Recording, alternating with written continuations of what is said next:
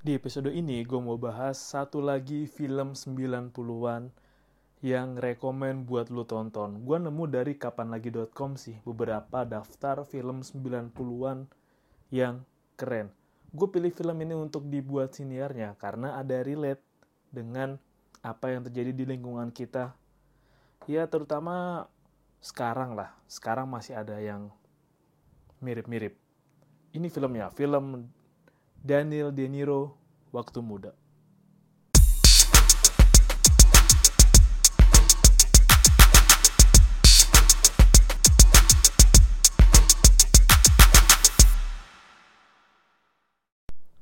Jadi film ini namanya A Bronx Tale. Mengambil latar tahun 60-an, tapi ya film ini diproduksi tahun 96.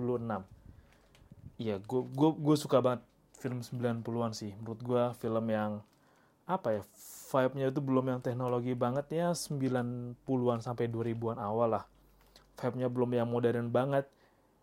Yang CGI-nya masih yang lu tau gak sih film Godzilla pertama tuh buat tahun 99 itu udah keren loh tahun segitu untuk animasinya tuh keren tapi yang ini ini kalau nggak salah dibuat dari novel atau apa ya oh novel bukan bukan. Novel tuh yang Brick Lebrowski. Gue juga mesti nonton itu. Ini pemerannya Daniel De Niro dan di akhir film sih dibilang film film ini dibuat untuk menghormati Robert De Niro senior. Mengambil latar tahun 1960-an di Bronx, Bronx, anggap aja Bronx itu kayak Depok, Depok lah, Depok, Jakarta gitu. Ya gue gak tahu pasti ya, Bronx. Tapi tahu Bronx kan, yang di Amerika Bronx. Tahun 60-an di Bronx.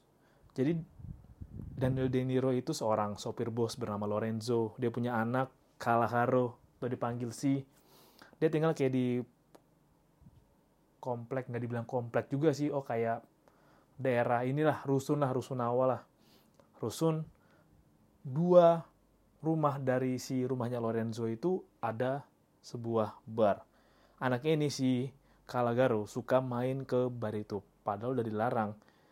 Tapi yang kerennya itu adalah jadi si Lorenzo ini tuh pekerjaannya supir bus dia tiap hari nganterin anaknya ke sekolah dan ngajak anaknya jalan-jalan. Plus ya sekarang jalan-jalan ngantar ke sekolah sekarang ikut bapaknya kerja lah. Si anaknya ini umur 9 tahun kalau Garo ini ceritanya kagum sama seorang pria bernama Sony. Sony itu ibarat kata abang-abangan di sana kepala geng atau kepala mafia di sana lah dan tahun 60-an di Amerika itu politik warna kulit masih kenceng, masih kentaran. Nanti kita akan ke sana. Di umur 9 tahun ini si Galagaro, anak Lorenzo, suka nelusup ke bar. Dia penasaran sama Sony orang yang dia kagumin. Dia penasaran ngapain aja di sana, aktivitasnya kayak gimana. Dan berulang kali di gap kalau Kalagaro suka main ke bar, padahal nggak boleh kan. Suatu ketika ada momen di mana ada terjadi penembakan di bar si Sony. Satu-satunya saksi yang melihat kejadian itu adalah si Kalagaro anaknya si Lorenzo. Lalu polisi datanglah ke apartemen itu, nanya. Setelah ya si Calagaro takut kan dibawa bapaknya ke dalam, takut ngeliat ya terjadi pembunuhan itu. Polisi datang nanya, oke, okay, nah bantu kami dong, kayak cari tahu kami siapa pelaku penembakan ini. Ditanyalah orang-orang yang dicurigain pelaku, disender ke tembok, dijajarin ke depan, terus minta si Calagaro nunjuk yang ini bukan pelakunya, bukan. Yang ini bukan, yang ini bukan. Terus sampai ke Sony. Pas sampai di Sony itu, si Kalagaro ngeliatin Sony sambil ditanya polisinya kan, oke nak, benar ini pelakunya penembakan itu. Sony dan Kalagaro tetap tatapan, ya akhirnya si Kalagaro bilang, bukan, bukan dia pelakunya. Ya udahlah. Akhirnya semua terduga pelaku bebas dan akhirnya ya udah Kalagaro balik lagi ke bapaknya dan di diomelin bapaknya lo tau nggak nak yang lo lakuin itu berbuat baik pada orang yang salah maksudnya gimana pak? Gue anak umur 9 tahun gue ngerti apa yang lo bilang. Kelak kalau lo udah tua lo akan tahu jawabannya. Setelah kejadian itu si Sony akhirnya respect sama si Calagaro ya berulang kali lah. Sony berusaha deketin Calagaro sampai akhirnya diajak untuk ikut permainan judi. Anjir bocah 9 tahun diajak main judi dan ya katanya sih si Calagaro bawa hoki buat si Sony setelah diketahuin Calagaro dapat persenan lah uang habis bantuin si Sony menang judi bapaknya tahu nih ibunya tahu tepatnya. Nah lo dapat duit dari mana? Umur 9 tahun kok bisa dapat duit 600 dolar? Tahu dari mana? Aku bantu di bar. Udah dibilang kan gak boleh bantu ke bar. Udah nggak boleh dibilangin. Lo ngelakuin apa di sana? Ya kerja. Anak umur 9 tahun kerja di bar ini uang dari siapa? Uang dari Sony. Akhirnya ya udahlah Lorenzo datang ke bar balikin uangnya ke Sony sudah bilang ya lo jangan ganggu anak gua dia anak gua. Tapi kan dia dengerin kata-kata gua kata Sony. Tapi dia anak gua dia bukan anak lo anak ini tanggung jawab gue. Dan setelah itu diajak itulah kalau gua cepetin banyak hal terjadi setelah itu 8 tahun kemudian anaknya udah makin besar makin deket si Kalagaro sama si Sony ini. Ya anehnya sih adalah si Kalagaro nganggap Sony itu bapaknya. Sementara ya bapaknya tuh si Lorenzo asli ya dianggap biasa aja. Padahal ya deket-deket juga. Jadi umur 9 tahun sampai 17 tahun lu bisa ngelihat vibes bagaimana anak-anak muda umur 17 tahun di sana dengan lingkungan yang serba kenceng kan. Politiknya kenceng isu rasialnya juga kenceng dan ya emang deket dengan barbar deket dengan hal-hal negatif pada kala itu. Jadi akhirnya juga mau nggak mau si Kalagaro deket lah sama Sony. Deket, sedang ikut ke mana-mana dan dianggap sebagai krunya sendiri lah. Tapi emang Lorenzo di sini pesen. Dan ini yang masuk akal. Lo tau apa bilangnya? Nah, lo tau lah. Orang-orang itu di sini bukan hormat kepada Sony tapi takut kepada Sony. Lu mesti bedain yang mana hormat, yang mana takut. Suatu ketika ada momen di mana Kalagaro juga nanya ke Sony, lo lebih pilih ditakutin atau dicintai? Ya Sony-nya bilang, gue lebih pilih ditakutin. Karena emang kalau dicintai itu ya nggak bisa terus-terusan. Nah, kalau ditakutin berarti ada rasa orang itu nggak berani berbuat banyak lah ke gue pernyataan yang menurut gue cukup bagus. Karena memang ya ada orang yang hormat sama lo sama takut sama lo itu dua hal yang beda. Mungkin kejadian yang sering lo lihat adalah gue takut sama lo karena lo yang punya kendali atas hidup gue di sini. Kasarnya gitu kan atau lo yang paling berkuasa di wilayah ini deh. Makanya gue takut sama lo, gue nggak macem-macem. Beda dengan hormat. Hormat didapetin gue respect sama lo gue hormatin pilihan lo gue hormatin keputusan lo gue hormatin sudut pandang lo dan gue hormatin dari apa yang udah lo capai. Gue hormatin dari apa yang udah lo lakuin. Gue hormatin tujuan baik lo rasa hormat itu didapetin. Rasa takut diciptain. Dua hal yang berbeda memang dan biasanya orang yang suka minta dihormatin adalah orang yang nggak dihormatin orang yang nggak tahu kenapa mesti hormat sama dia. Karena emang kalau dihormatin itu perlu ada waktu dan pengalaman serta pembuktian lah. Kalau takut kan bisa diciptakan kan. Kayak kejadian dulu aja. Kita takut berbuat salah kayak zaman di sekolah. Mungkin di zaman sekolah adalah kita lebih banyak takut sama guru. Kalau salah karena takut dihukum, takut teman-teman mandang ih salah ih goblok gitu. Tapi beda dengan kalau hormatin guru lo kan guru gue keren nih. Guru gue gue respect sama guru gue karena dia kalau yang ngajarnya enak pembawaannya juga tenang dan sabar. Dan ya kalau menurut gue anak umur 9 tahun belum bisa bedain mana takut mana hormat. Dan mungkin kelihatan lah ketika anak itu udah umur 17 tahun udah mulai tumbuh rasa normanya udah mulai tumbuh gitu logikanya maka baru bisa masuk lu kenalin rasa hormat ke anak itu makanya ya wajar sih ada momen di mana gue umur 9 tahun gue nggak tahu tuh maksudnya apa kan beberapa kali dibilang kan ya nanti kedah lu tua lu udah lu ketika lu tua lu bakal tahu alasannya kenapa emang ada alasan dan jawaban-jawaban yang baru kita ketahuin setelah kita udah jadi dewasa atau udah bertambah tua. Dan itu memang realita sih, realita lah. Karena kan emang gue sebel sih kayak kalau lu pernah denger ada orang tua gitu atau orang yang ngomong ke anak kecil yang usia di bawah 6 tahun 7 tahun lah kamu harusnya ngerti dong. Kamu harusnya bisa hormat. Ini kan bikinnya nggak gampang gitu. Ya untuk anak kecil bisa punya rasa hormat rasa segan itu emang belum waktunya belum lah karena ketika digambarin di filmnya aja dan ini juga deket dengan realita untuk seorang bisa punya rasa hormat itu emang perlu ada norma-norma dulu dan perlu ada standar yang masuk di sana dan hormat dengan takut itu dua hal yang berbeda, berbeda banget. Makanya lu mesti hati-hati banget dan sadar nih, selama ini lu tuh hormat atau takut sama dia. Oke, balik lagi ke film ya. Akhirnya sepanjang perjalanan ini lu bisa lihat di film ini tuh, yang namanya politik ya isu rasial kencang banget.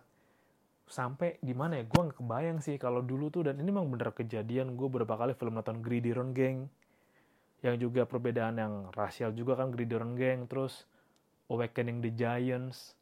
Apalagi filmnya ya? Gue lupa tuh ada film yang ya tentang bagaimana ya narapidana muda dibina dibimbing sampai bisa dapat ngejar dapat prestasi lah. Itu juga di sana kayak umur anak 15 14 tahun kenceng berantemnya masih gua nggak suka lu orang kulit hitam lu nggak boleh lewat daerah sini. Anjir sampai segitunya dulu lo lu juga sama lu orang kulit putih lu nggak boleh lewat depan sini. Ini wilayah orang kulit hitam. Benar-benar penembakan dulu juga banyak kan isu-isu kriminal. Tapi memang kerennya tahun ya 60 90, 70 80 90 adalah kendaraan-kendaraannya masih keren apa ya kalau dibilang tuh kalau ngeliat makanan tahun 90-an keren gitu. Mungkin emang nggak banyak yang kimia-kimia masih yang bener-bener seger lah. Kendaraannya juga masih variatif, masih kokoh. Bahannya tebel nggak kayak sekarang kan. Ya motor motor aja cuma plat besi doang rangkanya. Kalau dulu kan bener-bener tebel banget itu. Rangka motor. Nah, balik lagi. Di filmnya juga, di filmnya juga digambarin sih ya perasaan anak muda kan. Jadi si Caligaro suka sama perempuan kulit hitam dan ya di sana sepakat bahwa ya lo kalau masuk sama kulit hitam lo nggak bakal bisa kejadian karena emang kita nggak boleh berhubungan atau suka dengan mereka karena emang itu nggak bisa di sini nggak bisa ya bukan dilarang atau apa tapi karena nggak bisa jelas karena pasti akan bertentangan sampai akhirnya ada di momen di mana ya ketika ada orang kulit hitam lewat di wilayahnya si Caligaro itu dipukulin. Dipukulin anjir nggak salah apa, apa dipukulin. Ya tetap akhirnya ya Kalegaro nahan. Lu jangan pukul jangan pukul lah udah biarin bebas bebasin mereka bebasin mereka. Akhirnya orang yang kulit hitam balas dendam dengan yang lemparin kafe-kafe tempat Kalegaro nongkrong pakai telur.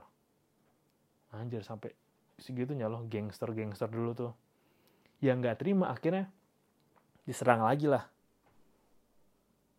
di perumahan atau wilayah kulit hitam itu sama teman-teman sih Kalegaro yang udah ABG.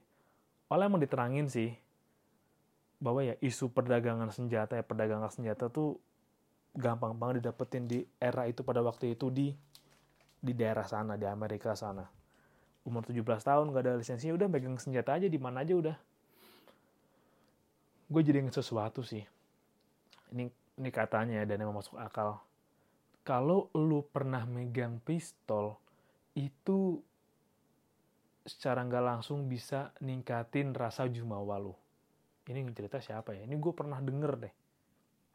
Karena memang ketika lo dikasih kesempatan megang pistol itu hati-hati banget. Karena tuh lo bisa merasa jumawa, lo bisa merasa superior, lo bisa merasa punya kuasa. Se sebegitunya emang kadang kan emang hidup orang tuh ada di tangan lo, ada di ujung jari telunjuk lo. Segampang itu memang. Jadi ya turutin gue atau lu hilang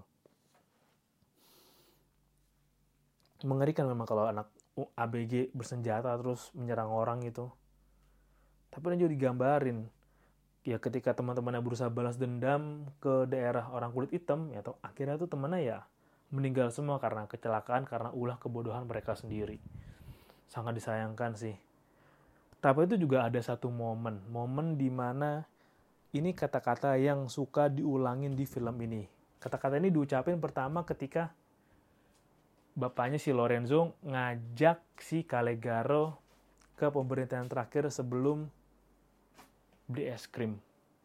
Karena emang kalau bis kan ada dari tujuan A ke tujuan B kan sebelum ke pool terakhir anaknya dibilang tuh si Sony kok begini si Sony begini kok Sony kok begini begini kok. Bapak enggak gitu. Ya gue nggak kebayang sih ngebandingin orang lain ke orang tua sendiri itu. Rasanya gimana kalau anak lu bandingin gitu ya? Lu bayangin lu punya anak. Anak lu ngebandingin orang lain sama diri lu. Anjir. Orang lain tuh udah kayak bapaknya sendiri. Ya bapaknya berusaha jelasin ya lu tau lah nak. Kadang memang itu nggak kayak yang lu bayangin kok karena emang ketika lu tahu kelihatan itu emang ya bagus kelihatannya keren kelihatannya enggak tapi lu tau nggak apa yang paling apa yang paling menyedihkan di dunia ini yaitu ketika lu punya bakat tapi disia-siain oh ya aku punya bakat nggak? Apa kau bisa jadi pemain bisbol nggak? Ya, lo bisa jadi apa pun yang lo mau lah. Kata-kata itu diulang tiga kali. Seingat gue tiga kali. Kata-kata yang, iya bener bro. Ini juga kata-kata adalah waktu gue baca. Kayaknya gue baca buku tentang Bu Titik Puspa deh. Gue lupa ini buku lama yang gue baca. Hal yang paling menyedihkan memang lu menyanyiakan bak menyanyiakan bakat yang lu punya kalau nggak salah nih gue pernah baca buku tentang ibu titik puspa jadi dia tuh dilarang nyanyi sama orang tuanya dulu dulu ya tapi beliau nekat beliau kabur dari rumah karena beliau tahu gue bisa nyanyi skill gue nyanyi gue harus kembangin bakat gue dan waktu itu Bu Titik ikut audisi atau apa gitu lupa akhirnya akhirnya dikenal dan teruslah sampai sekarang. Ada juga perbandingannya tuh, bakat yang disia-siain. Gue juga pernah nih baca masih dengan buku yang sama sama ceritanya Bu Titik. Jadi tuh ada cerita itu ada ibu-ibu warteg, eh mbak-mbak warteg biasa deng. Ternyata mbak-mbak warteg ini tuh bisa nyanyi dan kalau nyanyi suaranya bagus banget. Tapi dia nggak mau nyoba untuk nyanyi karena emang dia takut. Dia takut ketidakpastian dia karena dia dilarang. Dia takutnya ya udah takut. Akhirnya udah dia punya bakat yang bagus suara yang bagus tapi ya terpendam gitu aja sama kayak ini juga masih cerita yang sama. Jadi ada orang yang punya tinggi di atas rata-rata kan? Jadi dia itu punya tinggi di atas rata-rata postur yang bagus. Terus ya pas ditanya lu ngapain kerja beginian dah lu pengen jadi atlet? Oh enggak ah. Gue takut. Gue nggak berani buat nyoba. Tapi kan badan lu bagus. Ya tapi ya gue takut aja gitu. Jadi dia dengan postur yang tinggi postur yang atlet basket atau volley dia pekerjaan dia ya jadi tenisnya atau apa gitu tapi yang di buku tuh dibilangin ya dia kerja jadi orang biasa tapi dia cuma dimanfaatin tingginya untuk ganti lampu aja. Anjir. Ada orang tinggi punya postur tinggi gitu dimanfaatin cuma buat ganti lampu doang. Makanya gue suka sedih gitu. Kalau ngeliat orang yang posturnya bagus nih tapi kok lu nggak mau nyoba dulu sih? Nyoba aja dulu berasa apa enggak nyoba aja dulu ada tuh satpam di SCBD security-nya di pintu gerbangnya lah. Gue suka merhatiin posturnya kayak Wemby banget Wemby. Wemby Spurs tau kan lo Wemby Wembley ya? Lupa gue namanya Wemby. Yang tinggi itu posturnya mirip banget kayak gitu. Pemain basket ideal lah kayak mungkin kayak Syekh Ali Jabar dulu waktu muda. Ya kayak Wimby bener Wimby tapi ya jadi atlet gue nggak mengecilkan profesinya tapi dengan diberikan kemudahan diberikan privilege Allah, Allah dengan postur yang bagus mesti manfaatin emang sih mesti manfaatin. Makanya gue seneng kalau ngeliat anak muda yang anjing anak muda masih SMP lebih tinggi dari gue nih posturnya bagus nih. Lu coba jadi atlet dah. Atau manfaatin postur lu udah buat olahraga gitu. Meskipun memang kalau di kita untuk menjadi atlet di luar atlet yang olahraganya populer sulit tapi kalau lu nggak nyoba lu nggak akan tahu kan contohnya apa? Atlet yoyo. Antonio emang nggak seterkenal cabur lain tapi soal prestasi keren. Yang kemarin tuh owner BCA apa ya yang main kartu tuh gue lupa namanya. Olahraganya emang bidangnya nggak terkenal kan tapi beliau bisa juara tuh keren banget asli. Nah itu. Bakat yang disia-siain. Lu jangan sampai ada bakat sia-siain deh asli nyesel nanti lo kayak itu ya kayak mbak mbak cerita warteg itu yang gue baca di buku.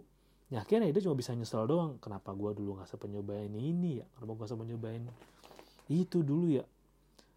Terus juga ada satu bagian di sini yang ketika semua scene di film ini berakhir dan memang ya akhirnya tuh karma itu ada lu bakal dapatin apa yang udah lo perbuat dulu ada momen di mana tuh ya gue ngerti lah di gambar anak ABG yang kok tokoh idola gue bisa di posisi ini sedangkan gue enggak hidup gue pas-pasan kayak hidup gue serba kekurangan tapi kok si dia bisa? Memang digambarin kalau di Bronx itu tuh lingkungan yang kayak rusunawa yang padat penduduk lah. Jadi kayak bawahnya tuh usaha atasnya tuh kayak rusun gitu atau kayak apartemen gitu apartemen blok gitulah lo kayak lo tau gambar US kayak apartemen Friends kan? Bawahnya toko atasnya apart ya, apartemen Friends gitu. Ya ditanyain ya si ini bisa beli mobil kita nggak bisa ini nggak bisa. Terus ya si Robert De Niro jelasin ya lo tau lah gue berusaha hidup gue berusaha ngasih yang terbaik buat lo gue ngasih yang halal buat lo. Karena orang ya lu dulu leluhur kita atau grandparent kita tuh datang ke sini tuh untuk pas ngomong gitu dipecahkan grandparent apa mereka leluhur kita tuh nggak bikin kayak apa-apa nggak bikin ngasih kita apa-apa? Ya langsung dimarahin lah.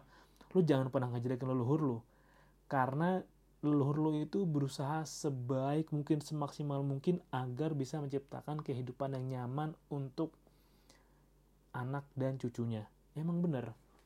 Makanya kalau perantau datang ke daerah gitu kan ya pasti pengennya berjuang berjuang terus biar anak cucunya bisa ngerasain manfaatnya minimal ya apa mbah buyutnya bikin apa diterusin anak-anaknya berusaha memberikan terbaik agar cucunya bisa hidup lebih enak. Emang kayak gitu. Bener makanya gue suka banget. Gue nemu filmnya dari rekomendasi random di Facebook aja gitu. Facebook tuh suka ngasih rekomendasi random kan kayak reels ya atau video short random atau video-video random. Nah ini gue nemu ini. Hal yang bagus buat gue karena tuh kayak gue suka film 90-an yang vibe-nya tuh klasik ini juga cerita tahun 60-an yang di mana ya kayak lu masih motong pizza masih manual botol barnya masih botol bar jadul gitu terus masih ada ruang bawah tanah yang dari kayu lu masih ada mobil Cadillac.